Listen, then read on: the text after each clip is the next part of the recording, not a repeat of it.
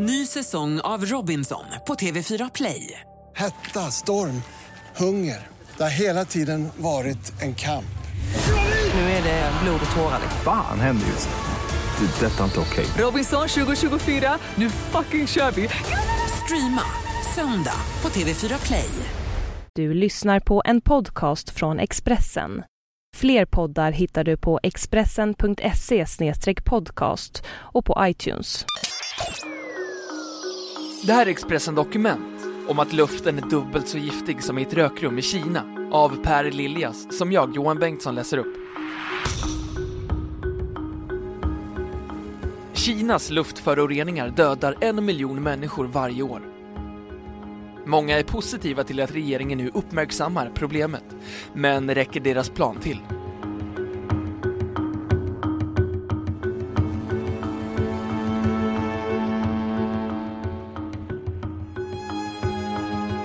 Det känns direkt på morgonen. Halsen är torr och raspig. Sinushålorna svider. Som efter en lång kväll omgiven av tobaksrök. Men det är inte cigaretter som är orsaken. En blick ut genom fönstret bekräftar misstanken. Där skyskrapor vanligtvis möter blicken står en vägg av beigegrått dis. Internet visar att luftföroreningen just den här dagen ligger tio gånger över WHOs rekommenderade nivå, det vill säga nästan dubbelt så högt som i ett rökrum. Det är kinesisk vinter. Munskydd och luftrenare har länge varit vardagliga fenomen i östra Kina. Det senaste året har befolkningen däremot också börjat få vänja sig vid att hela skolor och flygplatser stänger för att giftpartiklarna står så tätt. Cancerfallen har skjutit i höjden. Engelskspråkiga invånare kallar det för airpocalyps. Men lidandet har också fört med sig något positivt. För första gången verkar kommunistpartiet ta det akuta läget på allvar. Efter den fruktansvärda januarismoggen för ett år sedan, vilken fördunklade en sjättedel av landet, erkände de vidden av problemet. Åtta månader senare presenterade de en ambitiös plan för att åtgärda problemet. För motsvarande 5 biljoner kronor ska luftföroreningarna i tre nyckelområden minskas med 40% på fyra år.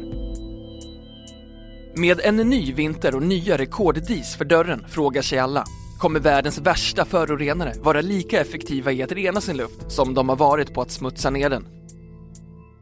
Som alltid när det gäller nutidens Kina är det lätt att glömma hur fort allting har gått. För att spåra luftkrisen räcker det till exempel att gå tillbaka till 1997. Asien var inne i en makalös boom och Kina var exportören som försåg alla andra med de jordbruksprodukter de behövde. Då började den finansiella luften gå ur land efter land. En djup regional kris öppnade sig och Kinas politiska elit förstod att de snart också skulle falla efter. Det var tillfället då de beslutade sig för att göra en enorm satsning på att omedelbart stöpa om landets brödbodar till tunga industriparker. Det följande dryga årtiondet var en framgångssaga utan dess like. Kina tog över som världsledare i produktionen av stål, cement och aluminium 2010 passerade Kina till och med USA som världens främsta biltillverkare och Japan som världens näst största ekonomi. Det är ett av de största ekonomiska undren i historien. Men i iverns hetta lades frågor som miljö och hållbarhet åt sidan. Enligt en undersökning av Världsbanken är kinesiska industrier smärtsamt ineffektiva vad gäller energianvändning. Stålindustrin ligger 20% över det internationella medelvärdet, cementtillverkningen 45% över och produktionen av eten, en viktig råvara inom kemisk industri, hela 70% över. Slöseriet går igen bland den enorma mängd nya gallerior, bostadshus och kontorsbyggnader som regeringen har byggt eftersom de flesta av konstruktionerna saknar isolering. Alltihop bidrar till att göda Kinas främsta miljöbov, kolkraften. För att möta det ökande energibehovet i början av 00-talet byggde Kina i snitt två nya kolkraftverk i veckan. Inte stora, moderna anläggningar utan oftast den billiga, smutsiga typen. En snabb fix.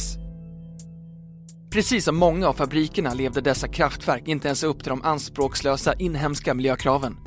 Men eftersom inspektioner var ovanliga var risken obetydlig. Idag bränns nästan lika mycket kol i Kina som på resten av jorden om vintern, då husen i norr måste värmas upp, är förbrukningen som värst.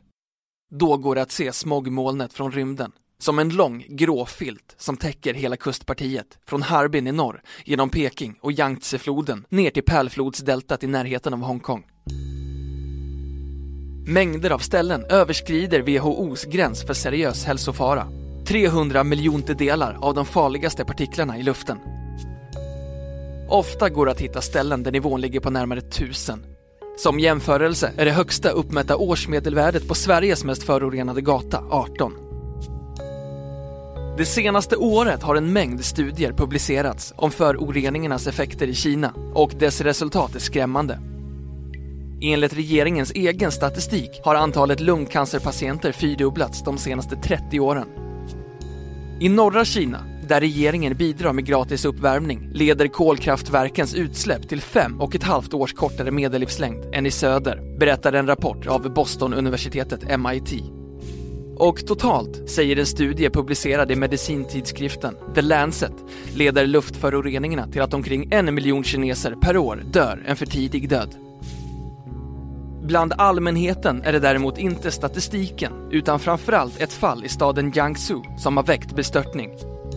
I november blev en liten flicka där Kinas yngsta någonsin att drabbas av lungcancer. Åtta år gammal kämpar hon mot en åkomma som vanligtvis slår till hos 50 år äldre rökare. Kommunistpartiet bemötte länge problemet med luftföroreningar som en motvillig deltagare på ett möte för anonyma alkoholister, med ilska och förnekelse. De hävdade att luftkvaliteten blivit bättre, utan att redogöra för sina uppgifter. De kritiserade den amerikanska ambassaden i Peking för att de utförde egna luftmätningar. De bemötte kritiker med att säga att alla utvecklade länder har gått igenom en period av smog. Dessutom kommer ju mycket av deras produktion resten av världen till gagn, så omvärlden borde inte klaga.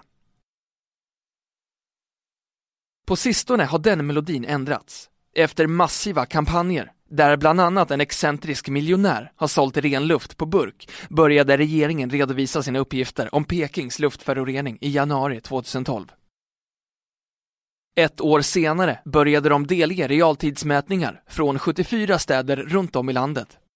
Hemsidor och appar samlar informationen, vilket har lett till att befolkningen har blivit allt mer uppdaterad och kunnig.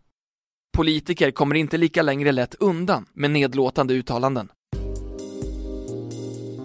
Zhao Huming är en av dem som fått lära sig den hårda vägen. I oktober gick han ut och sa att föroreningarna berodde på att folk eldade för mycket med kol när de lagade sin mat. Twitter-motsvarigheten Weibo kom snart att formligen bubbla över med bitska kommentarer mot Zhao. En person föreslog bland annat att kineserna i så fall skulle kunna laga mat varannan dag och svälta varannan. När landet sedan upplevde vinterns första massiva smoginvasion i början av december försökte statsstyrda medier lyfta humöret med en lista på goda effekter med den hälsovårdliga luften. Det rapporterades bland annat att den gjorde det svårare för fiender att spionera på dem och att det enar folket. Just denna samlade folkopinion är något som kommunistpartiet är mer än känsliga för än något annat. Även om de har monopol på makten vet de att tuffa medel mot massprotester lätt skulle kunna leda till att saker spinner ur deras kontroll. I regeringens nya plan ligger fokus på huvudproblemet, kolförbrukningen, och förslaget är att minska beroendet genom att fasa ut ineffektiva industrier och kraftverk. Specifika mål har utformats för tre nyckelregioner, Peking Tanjin Hebei, Yangtze-deltat och Pärlflodsdeltat. Enligt Alvin Lin, direktör för Kinas energi och klimatpolitik på organisationen Natural Resources Defense Council, kommer detta att innebära en drastisk förändring av hur industrialister utför sin verksamhet. Nu gäller det att landet väldigt snabbt hittar ett renare sätt att utvecklas på. Kina har utvecklats snabbare än något annat land, men de har excellerat genom sin förmåga att lägga stor kraft och investeringar på projekt. För att ta nästa kliv krävs det högre spetskompetens inom kvalitet och teknologi. Att man satsar på industrier som adderar ett specifikt värde till ekonomin, säger han. Projektet är däremot större än bara en omvandling av landets industrier. Det är en omformulering av kommunistpartiets själva gyllene kalv, ständig tillväxt. Lokala politiker har tidigare främst bedömts för sin förmåga att skapa tillväxt och deras tentakler rör sig ofta långt in i den privata industrisfären nu får de plötsligt nya riktlinjer. Även om regeringens plan bara innebär en minskning av det totala kolberoendet från 67% till 65% är Huang optimistisk. Men hon poängterar, likt de flesta bedömare, att allt kommer att hänga på hur den implementeras. Östra Kinas befolkning har ingen tid att spilla. Diset verkar ha lättat från deras regerings ögon. Nu kräver de ett nytt under som gör att även giftmolnet löses upp.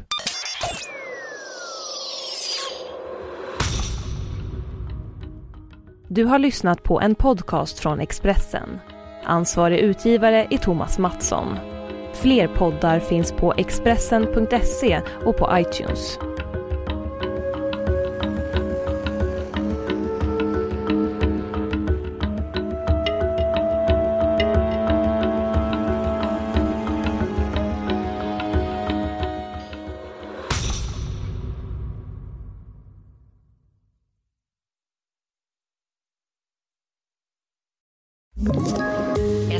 Poddtips från Podplay. I fallen jag aldrig glömmer djupdyker Hasse Aro i arbetet bakom några av Sveriges mest uppseendeväckande brottsutredningar.